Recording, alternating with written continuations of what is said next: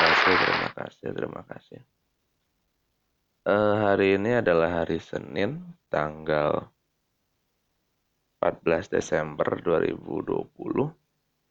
Dan kemarin kita mendapatkan satu berita yang kurang mengenakan ya, uh, soal penangkapan pembina Front Pembela Islam yaitu uh, Al-Habib Dr. Muhammad Rizik Syihab atau yang sering kita kenal dengan nama Habib Rizik Syihab. Beliau um, datang ke Polda Metro yang kemudian uh, di situ beliau dilakukan pemeriksaan selama 12 jam dan akhirnya uh, malam beliau keluar dengan menggunakan rompi oranye dan tangan terikat. Setelah itu dibawa di menggunakan mobil ke rutan. Mana saya lupa ya. Nah,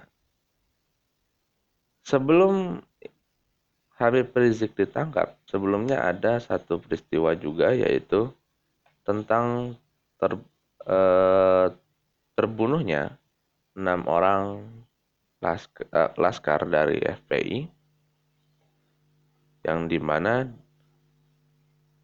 e, mereka menduga poli, kepolisian menduga bahwa apa mengklaim bahwa yang menjadi aktornya adalah oknum dari FPI ya. Sedangkan e, dari pihak FPI sendiri menyatakan bahwa yang menjadi e, tersangkanya adalah kepolisian. Terlepas ya saya juga tidak mengerti betul fakta hukumnya, tetapi yang mau kita bahas begini. Kalau kita melihat ya beberapa tahun ke belakang ini nampaknya ya nampaknya kezoliman ini jadi semakin besar. Betul, betul, ya. Korban pertamanya adalah satu organisasi yang terkenal dengan eh, campaign khilafahnya yang kemudian akhirnya dalam klaim pemerintah itu dibubarkan ya, dengan dicabutnya badan perhukum perkumpulan dari organisasi ini gitu. Kemudian um, penguasa pun terlihat sangat me mencegah berbagai um,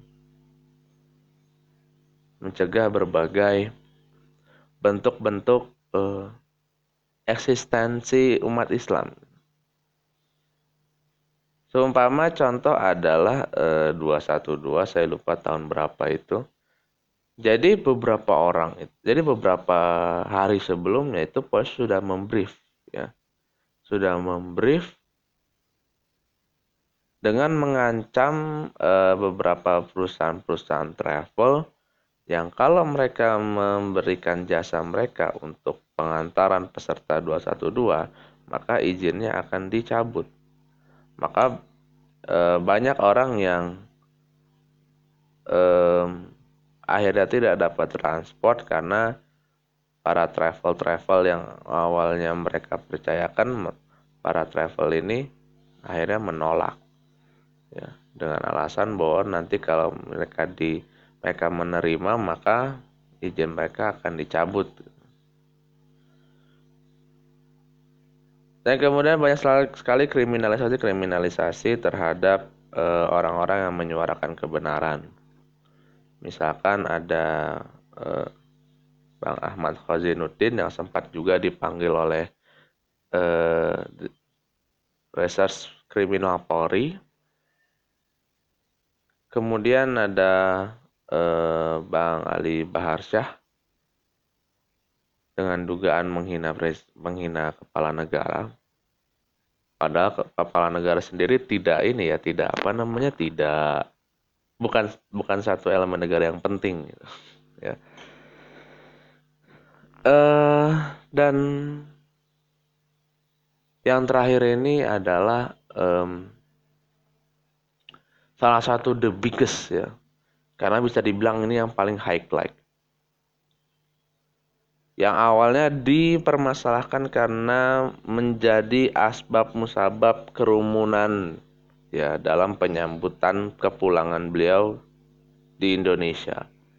Jadi eh, kisaran 10 November itu ketika Habib Rizik pulang itu terjadi satu kerumunan yang luar biasa yang tidak pernah diduga sebelumnya. Yang mungkin itu juga bisa menggambarkan antusiasme umat terhadap eh, Habib Rizik.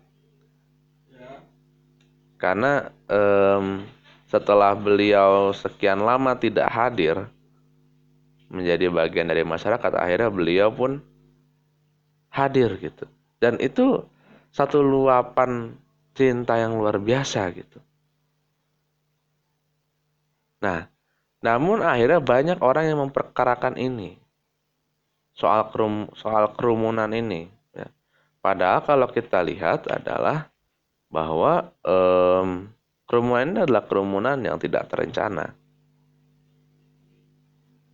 Karena um, dari pihak yang menjemputnya sekalipun ada saat itu eh, salah satunya adalah Babe Haikal Hasan itu eh, hanya memberitahukan soal kepulangan Habib Rizik saja tidak meminta orang-orang untuk eh, meng, apa, menyambut beliau di bandara tidak hanya memberitahukan info ya termasuk juga saya eh, apa update-nya di Instagramnya Kohania Kristianto mereka hanya memberitahukan bahwa Habib Rizik akan pulang.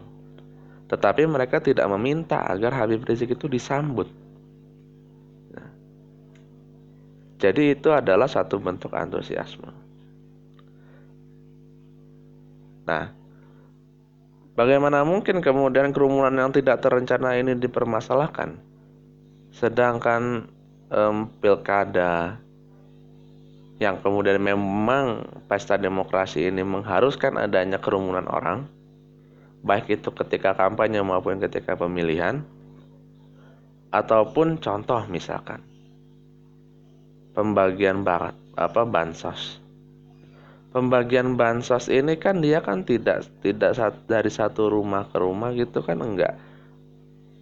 Dia terpusat di satu titik yang kemudian itu menimbulkan adanya kerumunan tapi kenapa tidak pernah diusut? Ya.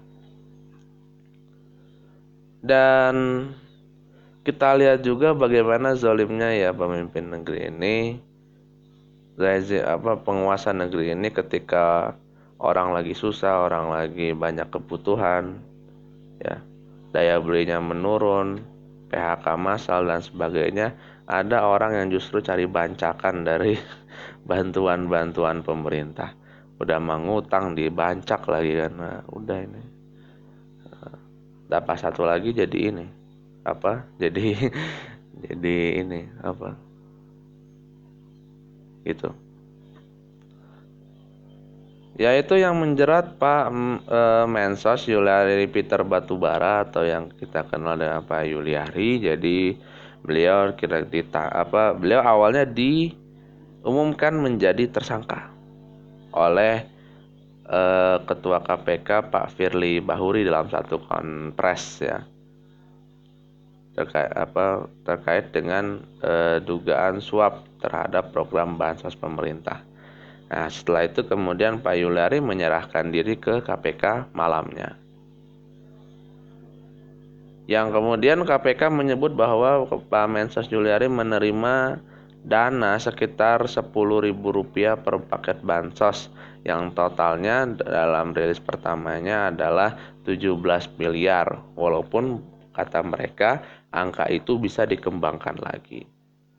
Tapi coba kalau misalkan eh, diambil ceban, ceban kali kali seribu paket aja udah berapa? udah 10 juta. Berarti ini ada berapa paket, Bro? Ya. Dan itu pun ketika kemudian Bang Boy Nyamin Sohaiman hadir di salah satu forum di uh, stasiun televisi swasta, itu beliau membawa satu sampel bansos yang masih utuh bansos bulan Oktober apa bulan November gitu ya itu eh, banyak sekali bahan-bahannya yang tidak layak konsumsi. Contohnya eh, sarden. Bayangkan sardennya hanya kira-kira gedenya satu setengah ruas jari lah, satu setengah ruas jari. Yang itu ada hanya ada dua potong. Ya, dan katanya e, sausnya pun tidak rasa saus ya tapi rasa air karena airnya banyak sekali ada dua kaleng ya kemudian berasnya itu kalau pernah saya survei itu adalah beras yang paling jelek di pasar ya walaupun bukan raskin ya karena raskin kan tidak jual ya nah beras paling jelek di pasar ya kan yang sekilonya sekitar 6000 rupiah kalau yang 7000 tuh 8000 masih mending lah gitu. Gak jelek-jelek amat. Standar.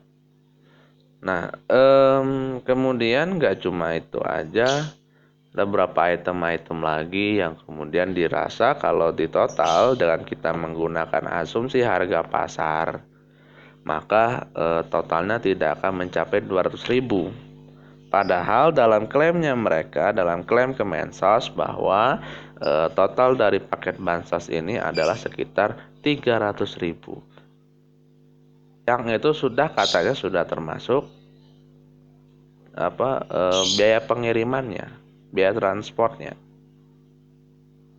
Nah, belum lagi soal transport ini yang katanya menurut Bang Bonyamin lagi bahwa e, untuk masalah uh, transport ini disubkontraktorkan.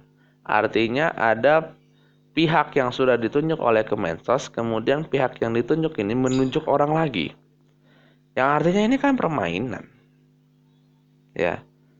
Agak miris memang ya, tapi ya begitulah faktanya. So, mari kita ingatkan kembali kepada ceramahnya Kiai apa Ustaz apa Pak Mahfud MD dalam sebuah kesempatan. Ya faiza hakamtum bainakum faiza hakamtum bainana nasi pahkumu bil adl ya. Maka jika kamu menghukum jika kamu berhukum di antara manusia maka berhukumlah dengan adil. Ya. Jadi kata beliau ketika ketika orang kuat melakukan kesalahan tidak langsung dihukum. Orang lemah melakukan kesalahan langsung ditindak. Negara akan hancur pada saatnya. Dan kita akan tunggu saja bagi kapan kehancuran dari peradaban ini ya, karena e, masyarakat sudah muak nampaknya ya.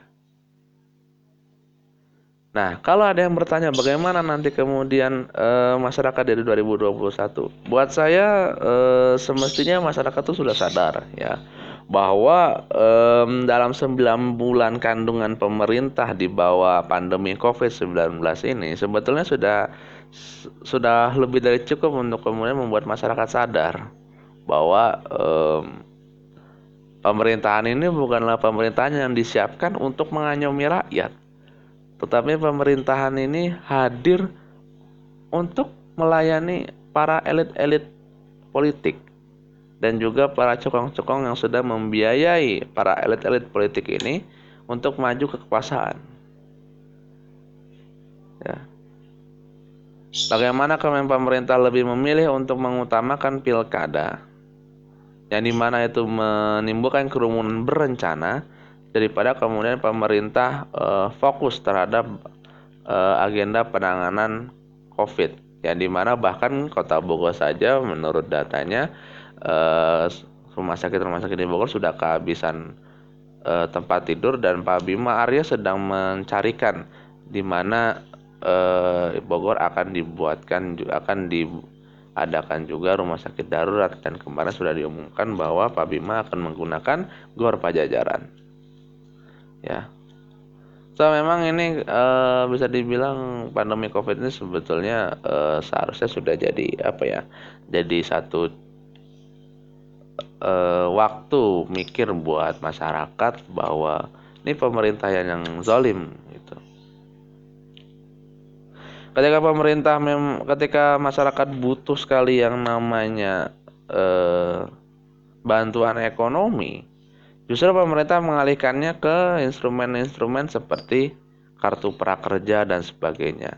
Yang di mana kartu prakerja ini seperti yang kita tahu bekerja sama dengan salah satu aplikasi pelatihan nasional yang di mana eh, ada kemudian kemungkinan-kemungkinan nepotisme ya. Apalagi eh, sang ownernya itu menduduk apa saat itu menduduki jabatan sebagai staf khusus presiden walaupun akhirnya beliau mundur ya. Kemudian bagaimana anggaran untuk bansos dijadikan bancakan ya dengan apa dengan uh, ya dari Pak Mensosnya sendiri 10 apa 10 ribu per paket bansos bagaimana yang lain-lainnya? Ya kemudian dengan eh, produk-produk yang tidak memenuhi standar tidak berkualitas. Bagaimana kemudian uh, pemerintah katanya itu menaikkan iuran BPJS lagi di mana kemudian masyarakat e, sangat rentan sakit karena memang penyebaran COVID-19 ini luar biasa. So, maka dari itu semestinya kita dengan momentum corona ini ya yang sudah hampir satu tahun ini sebetulnya kita uh, adalah momen untuk mikir. Ya, bahwa e, pemerintah ini memang tidak disiapkan untuk melayani rakyat, tapi disiapkan hanya untuk melayani kepentingan cukong semata kepentingan elit-elit global, kepentingan elit-elit politik. Ya, makanya um, wajar jika Allah menaruh ya, menaruh di akhir beberapa akhir beberapa ayatnya soal tanda-tanda kekuasaannya. Yaitu apa? Diuli albab. Di kaumin yatafakkarun. Ya, bagi orang-orang yang mau mikir. Nah, pertanyaan apa kita mau mikir